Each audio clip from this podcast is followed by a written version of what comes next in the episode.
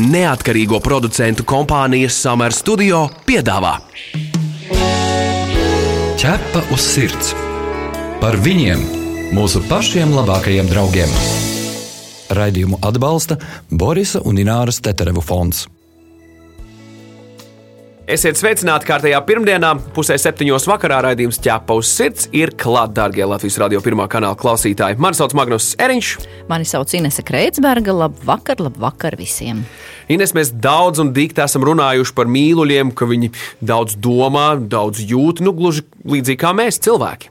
Jā, un īsnībā nu, tā arī ir. Viņi daudz ko jūt un saprot, bet mēs esam piefiksējuši, ka ļoti bieži šī uztvere, tā dzīvnieku uztvere, notiek pat mazliet pārspīlētāk. Tā kā sanāk, mēs tos dzīvniekus varbūt tik ļoti cilvēciskojam, ka mēs arī viņiem piedēvējam daudzas īpašības, kas raksturīgas mums cilvēkiem.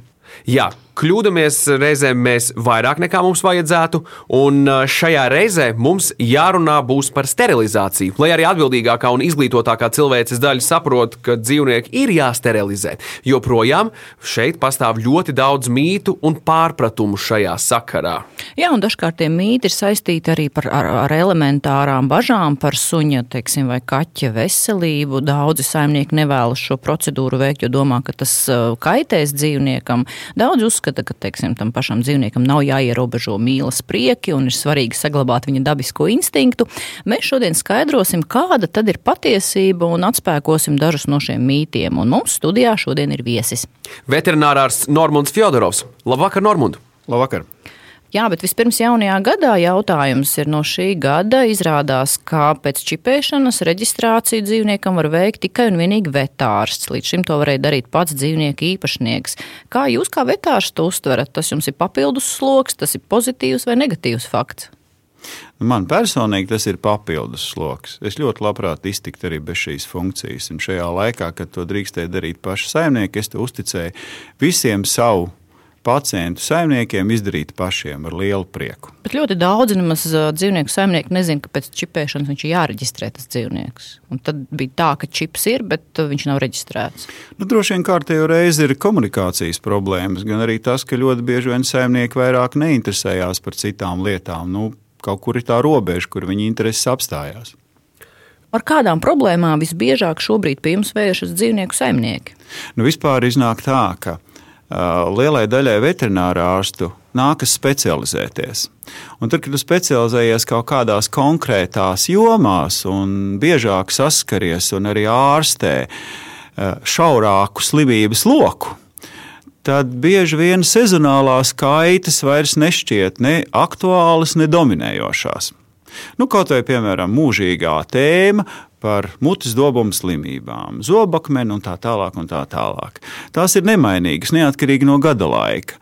Vai pieņemsim mūžīgā tēma par dažādām pārtiks alerģiskām reakcijām, pārtiks radītām alerģiskām reakcijām. Tā ir arī nemainīga tēma un no tā izrietošās visdažādākās saslimšanas, chroniskas saslimšanas un, protams, sterilizācija ikdienas jautājums. Ķepa uz sirds Jautā ekspertam. Cik jūs jau ilgi strādājat? Šogad būs 30 gadi. O, 30 gadu laikā, vai jūs varat teikt, ka māju dzīvnieku saimnieki kļūst izglītotāki, piemēram, šajā pašā sterilizācijas jautājumā? Esmu pārliecināts, ka pilnīgi noteikti kļūst izglītotāki. Sabiedrība progresē esmu pozitīvi domājošs šādos jautājumos. Runājot par stereotipiem, dabas balss un instinkts esot jāsaglabā. Tāds stereotips daudz vietā valda. Kas patiesībā notiek ar suņa instinktu, ja sunis sterilizē? Ja sunis sterilizē, viņš būtiski vieglāk pacieš stresus, kas ir saistīti ar nu, teiksim, tā, pretējā dzimuma partneru meklējumiem. Mēs esam paņēmuši dzīvnieku savā vidē un būtībā viņu ieslodzījuši. Ieslodzījuši tādēļ, ka lielākajā daļā gadījumu dzīvnieku uzvedību modulē hormoni. Arī mūsu uzvedību modulē hormoni, bet mēs ar prātu, ar iemācītām lietām mēģinām sevi kontrolēt, nu, kaut vai tikai uzvedību sabiedrībā. Ar sunu šis neiet cauri. Lielākajā daļā gadījumu neiet cauri.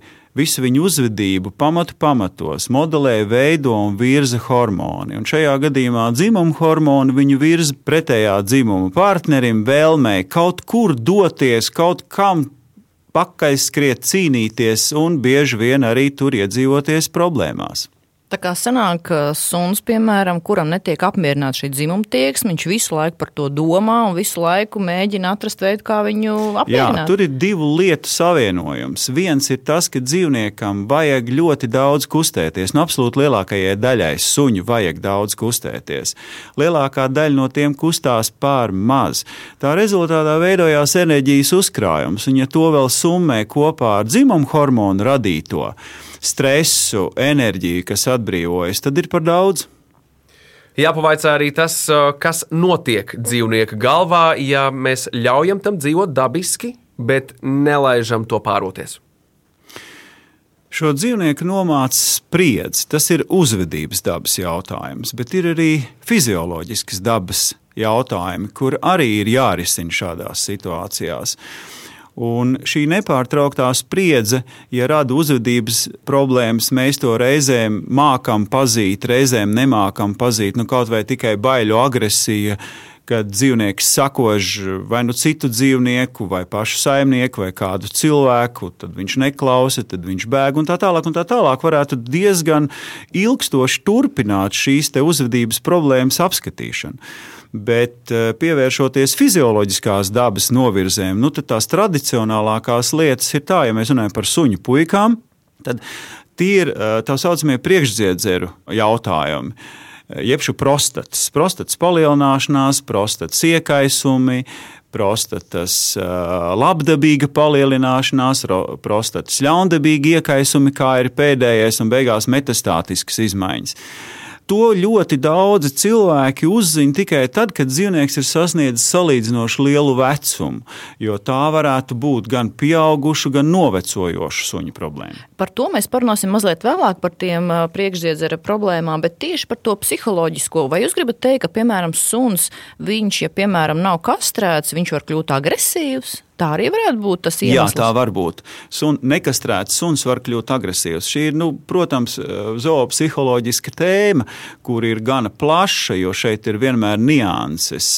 Nianses atkarīgas ir no šķirnes, no vides, kurā dzīvo suns, no saimnieka, kurš vairāk vai mazāk ar to darbojās, nu, no iedzimtā rakstura principā sanāk tā, tas suns, viņš netiek apmierināts to savu tieksmi, viņam visu laiku atliņš vārās, un tad principā. Jā, viņš vairs sevi īsti nekontrolē, viņš varētu arī izrādīties saimnieka nekontrolējams šādās situācijās, jo, nu, varētu tā vienkārši varbūt teikt, nu, viņam aiziet ciet. Uh, viņš nepārtraukti ir ar, nu, teiksim, tā, ar uzkarstošu nervu sistēmu, kura loģiski vienā brīdī vairs nepakļaujās ierastajam modelim. Ja ar kaķiem daudz maz ir skaidrība, tad uh, suņus daudz atsakās sterilizēt. To mēs vairāk kārt šajā raidījumā arī pieminēsim. Bet, uh, doktors, sakiet, uh, kāds ir jūsu viedoklis šādā situācijā? Ko darīt ar tiem suņiem, ja tie ir pieskatīti un klausa saimnieku, respektīvi nesterilizēti un dzīvo savā dabiskajā vidē? Un, un saimniekam tagad pēkšņi radio saka, ka ir jāved sterilizēt. Kāpēc man tagad pēkšņi ņemt suni un vest un sterilizēt? Ko jūs teiktu šiem cilvēkiem? Es teiktu tā, ka noteikti Visi suņi nav jākastrē kādu viņu uzvedības problēmu dēļ. Tieši tāpat pastāv zināma iespēja, ka nekastrēts suns varētu nodzīvot ilgi un laimīgi un nesaskarties ar kādām saslimšanām tieši saistītām ar dzimumu hormonu ietekmi.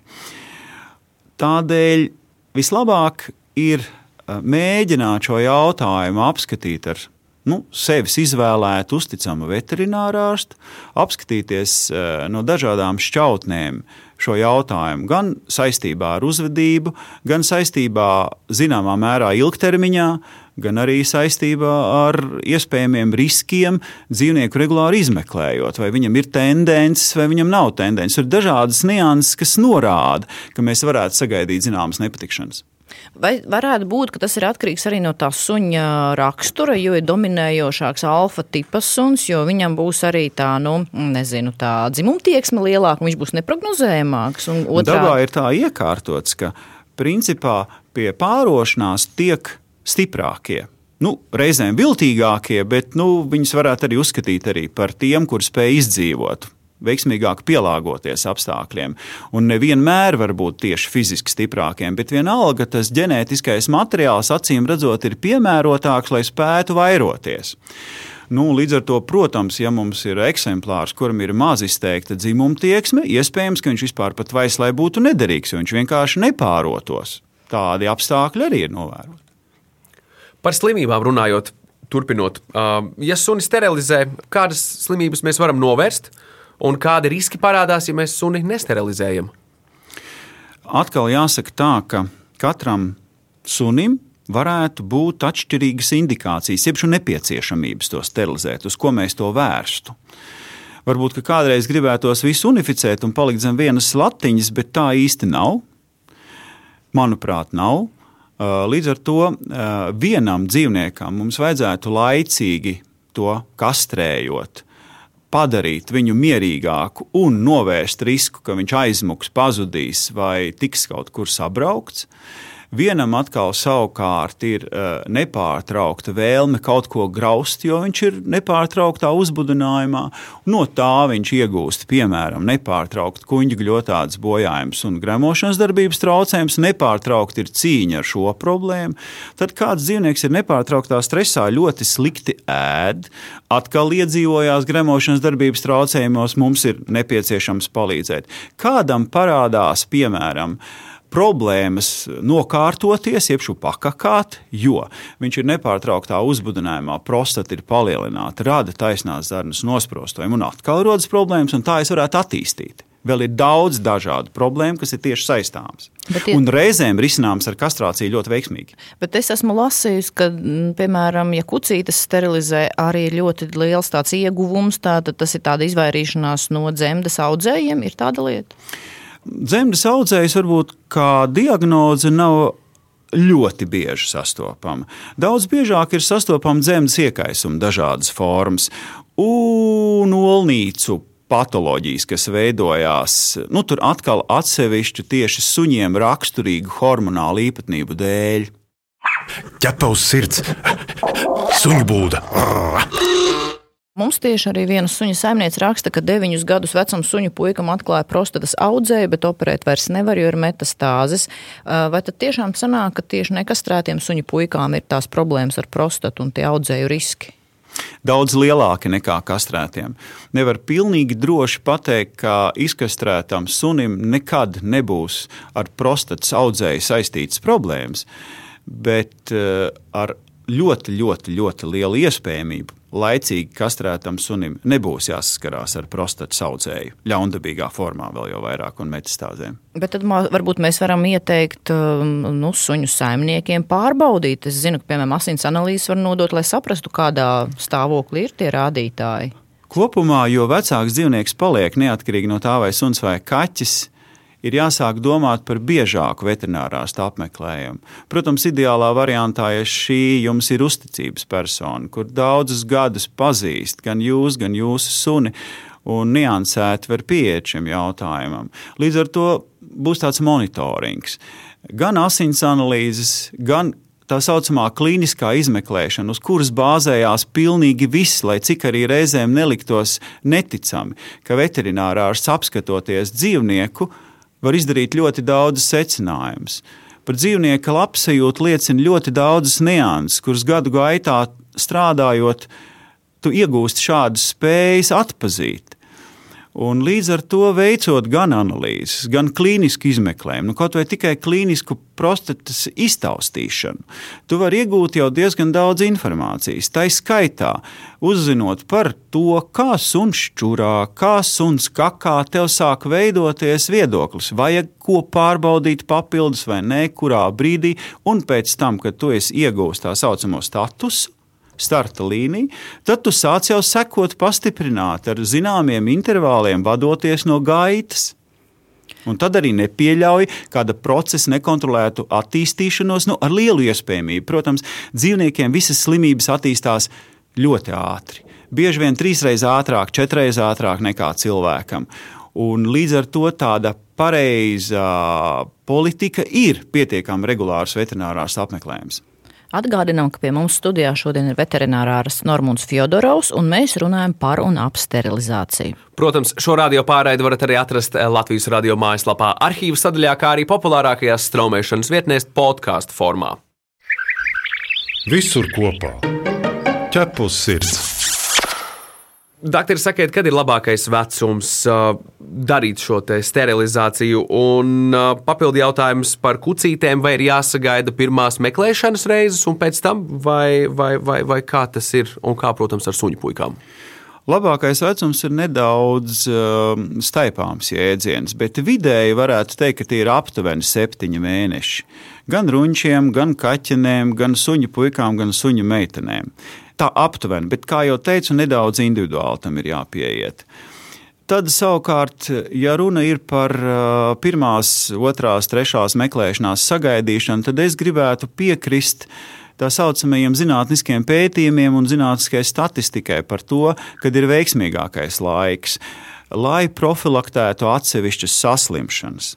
Un līdz ar to es teiktu tā, ka lielākajā daļā gadījumu vajadzētu sterilizēt kucīti vai nu kastrēt, kā šobrīd to saka, līdz pirmām meklēšanās reizēm, pirms suņu dienas vēl ir sākušās.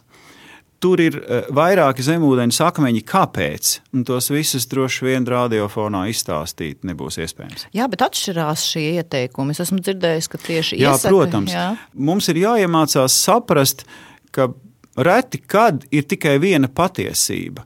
Un reti, kad kaut kādus statistikas datus vajag pieņemt plakani, neizvērtējot datus, kuri ir iegūti un dati, kuri nav iegūti. Līdz ar to mēs iegūstam pilnīgi citu ainu, ja mēs zinām to. Bet joprojām cilvēki, daži cilvēki tic mītam, ka kucē vai kaķenē reizi dzīvē ir jādzemdē. Saka, ka vetārsti tā teikuši, ārsta vārdu, protams, neatcerās, bet doktori, no kurienes ārsti var šo izķert, to savulaik mācīja kādā skolā, nu no kaut kurienes taču kaut kur tas ir bijis rakstīts. Tie ir mīti, un mīti ir ļoti lipīga lieta, un tiem cilvēki pieķers, tic, un bieži vien tos apgāst ir grūtāk nekā kaut kā iet vienā straumē. Vēl ļoti bieži mēs uh, varam saskarties ar šādu mītu, ka cilvēki uzskata, ka dzīvnieks paliks slings. Miegains, rasns un kas no visiem pieņēmumiem pareizs un kas aplams, kā jums šķiet šajā? Es jau tā kā sākumā teicu, ka katrs gadījums jāizvērtē individuāli. Ir. Mums var gadīties absolūti lēnīgs, lēnprātīgs, uz aptaukošanos ļoti tendēts dzīvnieks ar ļoti vāju izteiktu libido Un tur mēs tiešām varam mēģināt apskatīt liederību kastrācijai. Varbūt tiešām nevajag apskatīt ieguvumus un zaudējumus. Un, ja mēs tādu dzīvnieku kastrēsim un vēl ļoti agri kastrēsim, tad acīm redzot, viņa hormonālā sistēma būs pavisam lēna, un viņš iespējams sāks eh, ļoti strauji aptaukoties, zaudēt interesi par kustībām, nu, un mēs dabūsim kaut kādu rindu slimību, ar kurām cīnīties. Un tad vēl ir cilvēki, kas uzskata, ka viņa skaistiem kaķītim vai sunītim vajag noteikti pēcnācējus, lai arī citi bauda šo skaistumu. Bet vai jūs arī piekrītat, ka mums tomēr Latvijā ir milzīga dzīvnieku pārbagātība, es teiktu? Tas ir tāpat kā ar automobīļiem. Katram liekas, ka mans automobīls ir svarīgāks nekā tas, kurš iebrauc Rīgā. Ja? Tie citi, lai nebrauc, es braukšu. Un tāpat ir ar tiem dzīvniekiem. Tad, kad mums ļoti sagribās kaut kādu dzīvnieku, vai mēs būsim tik sociāli atbildīgi, ka mēs izvēlēsimies obligāti patversmē ņemtu dzīvnieku, tur arī ir iekodēta vesela rinda problēma. Līdz ar to nosodīt cilvēku, kurš gribēs tieši šo te konkrētā šķirnes suni, nu, es, ne, es nevarētu. Man ir ļoti grūti pateikt, ka tas ir nepareizi. Un tāpat es droši vien esmu pārāk iejūtīgs vai pārāk fleksibls. Ja? Man šķiet, ja jums ir ļoti skaists dzīvnieks, un jums tas ļoti patīk, un jūs ļoti gribētu no viņa pēcnācējus, nu, es nebūšu tas, kurš teiks, ka nevajag. Jā, bet piedzimst metienā seši vai septiņi mazuļi, un tad tie cilvēki bāžās visiem virsū, vai tev nevajag manu skaisto kucēnu vai kaķēnu. Reizēm nebāžās, reizēm tos izķer kā karsts pīrādziņš. Bet ja neizķer? Tad ir problēmas, jā, tad ir problēmas. Un tā ir atkal atbildība. Vēl par mītiem. Mednieka instinkts esot tāda lieta, ja mājas dzīvnieku sterilizē vai kastrē, šis pazūd. Tā ir vai tā nav? Tā nav. Bieži tā gadās, bet uz visiem tas nav attiecināms. Pats esmu bijis liecinieks tam vairāk kārtīgi, kā medībās ejoši dzīvnieki ir bijuši sterilizēti. Nu, te gan droši vien jāsaka tā, ka daudz vairāk pastāstīt varētu paši mednieki pēc savas pieredzes, kā tas ir. Es domāju, ka daudz mednieki balsot par dabiskajām ziņām. Es pat teiktu tā. Bet jums nav piemērs tāds, ka tas eh, medību suns pēc sterilizācijas zaudējis instinktu vai kaut kādā Man ir viens konkrēts piemērs, tā suņa gan vairs nav, kurš bija sterilizēts, kucīti kastrēti ļoti veiksmīgi medībās. šķirne. Jā. Mūrāģam ķepa uz sirds. Un Kā ar, piemēram, mājas kaķiem, kas visticamāk daudziem klausītājiem šobrīd kaut kur murrā līdzās sterilizēts runcis vai kaķeni. Droši vien kaķiem ir savs stāsts, ļoti atšķirīgs no suņiem.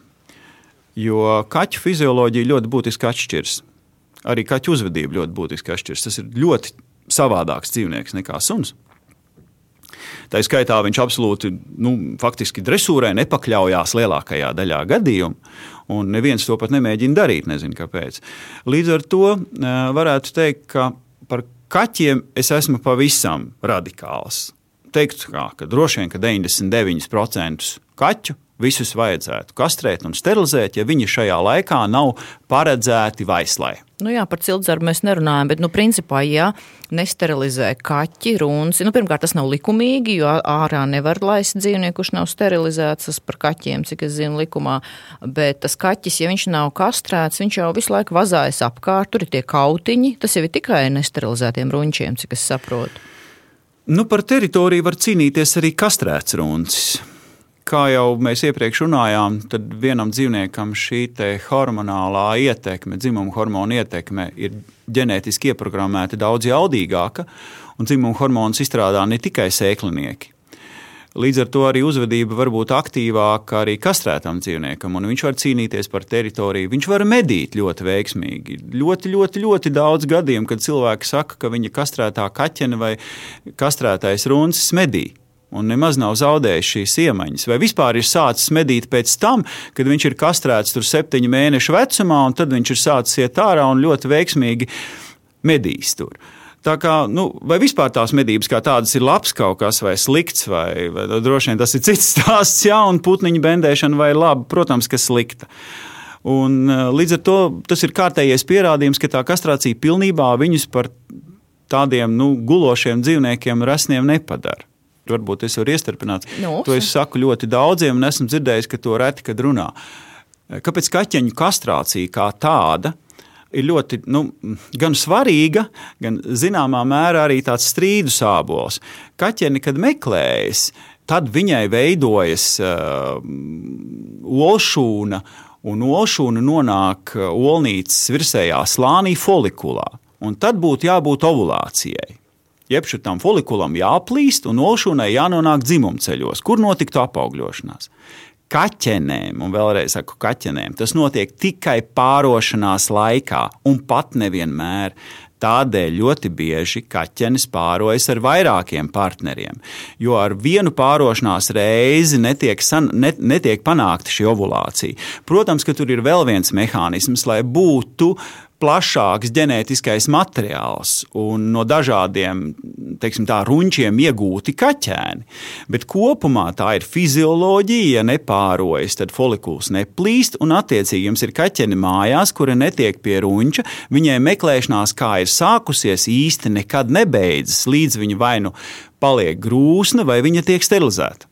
Starp citu, es vēl gribēju pavaicāt, vai tā ir taisnība vai nav, ka, piemēram, daudz kas saka, ka tur kaķiem vajag mīlas priekus. Vai tā ir taisnība, ka kaķenē tieši tas pārošanās brīdis īstenībā ir ļoti sāpīgs? Nevis baudas pilns, kā daudz varētu iedomāties. Nu, šķiet, ka sāpīgs, jā. Viņa sādā neesmu ielīdis, bet es domāju, ka sāpīgs vadoties pēc redzētā. Un dzirdētā noteikti arī. Jā. Jā. Jo tos ar citu daudzi nezina, bet es pat nezinu, kā to varētu mierīgi. Nu, tā. Tur gan traumatisks ir arī tas, kā runcis uzvedās ļoti bieži. Runči mēdz būt dažādi. Nu, piemēram, viņš spēja iekosties skaustā tik spēcīgi, ka tā pārošanās, ja notiek ilgstoši, tad tur ir milzīgas brūces. Un, um, bieži vien arī tā kaķene ļoti fiziski cieši no runča. Doktor, vai varat izstāstīt par to, kas ir galvenais faktors tam, ka dzīvnieks apveļas? Nu, jā, tas liekais svars, kas īstenībā cilvēks saista to, ka nu, jā, pēc sterilizācijas dzīvnieks paliek apaļš. Nu, jā, kaut kāds vainīgais ir jāatrod. Nenoliedzami vilmaiņa kļūst nedaudz lēnāk. Nu, vienam var būt vairāk, vienam mazāk lēna. Bet bieži vien mēs uh, uzdodot jautājumu saimniekam, cik jūs dodat ēst savam kaķim, saņemam atbildi, nu, es viņam tur ieberu. Nu, cik? Nu, nezinu. Nu, jūs varat iedomāties, cik. Nu, nē, nu nevar. Un tad atliek vienkārši uzvedināt viņus domu, nu, tātad, cik lielu iepakojumu saimnieks ir nopircis un cik ilgā laikā viņš ir izēdinājis to. Bet tad bieži vien izrādās, ka tas kaķis ēd vēl arī citas lietas, kuras viņam garšo. Gan gaļu, gan kaut kādus konservus. Beigās ir neaptverams daudzums apēsts vienā dienā. Un tad nav jābrīnās, ka kaķis paliek resns, ja no dienas 24 stundām 22 viņš noguļ. Nu, sanāk, tāpēc sterilizācijas saimnieki neturp, nu, teiksim, neturpina ierobežot. Jā, varbūt uzņemt. Nu, vajadzētu pirmkārt noskaidrot, cik konkrēta svara kaķim būtu dienā jāpēd barības. Vienalga, vai tā ir komercbarība, vai tas ir dabisks uzturs, respektīvi gaļa. Ja? Vienalga ir jāmēģina izrunāt, nu, ja pats nevar nekur izlasīt un saprast, aprunāties ar veterinārārstu, kas spēs paskaidrot, kāds ir ēdiena daudzums nepieciešams. Un tad pasakot līdzi, vai šāds ēdiena daudzums radīs svara pieaugumu. Bet tas arī uz suņiem attiecās, vai ne? Arī uz suņiem. Bet man tomēr tā raidījuma noslēgumā gribētos pavaicāt, tagad tāda izdevība, liela auditorija. Kas varbūt ir tas, ko jūs īpaši gribētu cilvēkiem, dzīvnieku saimniekiem pateikt, par ko jūs visu laiku esat pārsteigts, ja? ko varbūt cilvēki nezina, ko jūs gribētu varbūt viņiem pateikt? Jā, es tiešām bieži vien esmu pārsteigts par to, cik saimnieks ir nesagatavots iegādājoties dzīvnieku. Viņš līdz tam faktiski nav interesējies par, manuprāt, elementārām lietām. Par to, kādas ir fizioloģiskās vajadzības konkrētiem dzīvniekiem, kādas šķirnes dzīvniekam vajag kādu attieksmi, šādu vai tādu stingrāku vai maigāku, kāds pastaigu daudzums konkrētam dzīvniekam ir vajadzīgs un ar ko es barošu savu dzīvnieku tā arī ir tēma, aizejot pie veterinārā ārsta. Viņa ir nepastāstāma ne stundā, ne divās, ne trijās. Tas līdz ar to ir ļoti laikietilpīgi, bet arī ir vēl viena svarīga lieta. Jums to pastāstot, jūs varat atcerēties ļoti mazu daļiņu no šī garā stāsta. Tā vienkārši cilvēks ir uzbūvēts - 5% un gan. Varbūt drīzāk cilvēks pirms viņš iegādājas dzīvnieku varētu parunāt ar veterināru ārstu, nevis pēc tam, kad jau tas dzīvnieks ir mājās. Tas būtu skaisti. Jā, nu, diemžēl tā nav realitāte, bet nu, uz to vajadzētu tiekties. Vispār cilvēkiem apdomāt, vai viņam dzīvnieks ir vajadzīgs un vai viņi varēs, varēs spēt par viņu parūpēties. Tas arī ļoti daudz finansiālos resursus prasa, tostarp arī veterinārā ārsta uzraudzību. Tu esi mans draugs, ķepus sirds. Man ir prieks, ka mēs šajā dienā varējām apgāzt daudzus mītus, un uz šo situāciju un uz šo tēmu es ceru, ka varēsim lūkoties nākotnē ar citu skatījumu. Paldies mūsu viesim. Mums studijā bija veterinārārs Normons Fjodorovs. Bet eh, ko mēs dzirdēsim Magnus nākamajā nedēļā? Nākamajā nedēļā mēs runāsim par treneriem sev un savam sunim. Jā, īstenībā sev un savam sunim, jā, un noskaidrosim, kas saimniekam jāzina par speciālistu un viņa apmācības metodēm. Bet tas viss pēc nedēļas, bet šajā raidījumā tas ir viss. Mani sauc Inese Kreitsberga. Mani sauc Magnus Eriņš. Raidījumu veido neatkarīgo producentu kompānijas Summer Studio. Visu labu! Atā! Ķepa uz sirds! Informatīvi izglītojoši raidījums par dzīvnieku pasauli un cilvēkiem tajā. Raidījumu atbalsta Borisa un Ināras Teterevu fonds.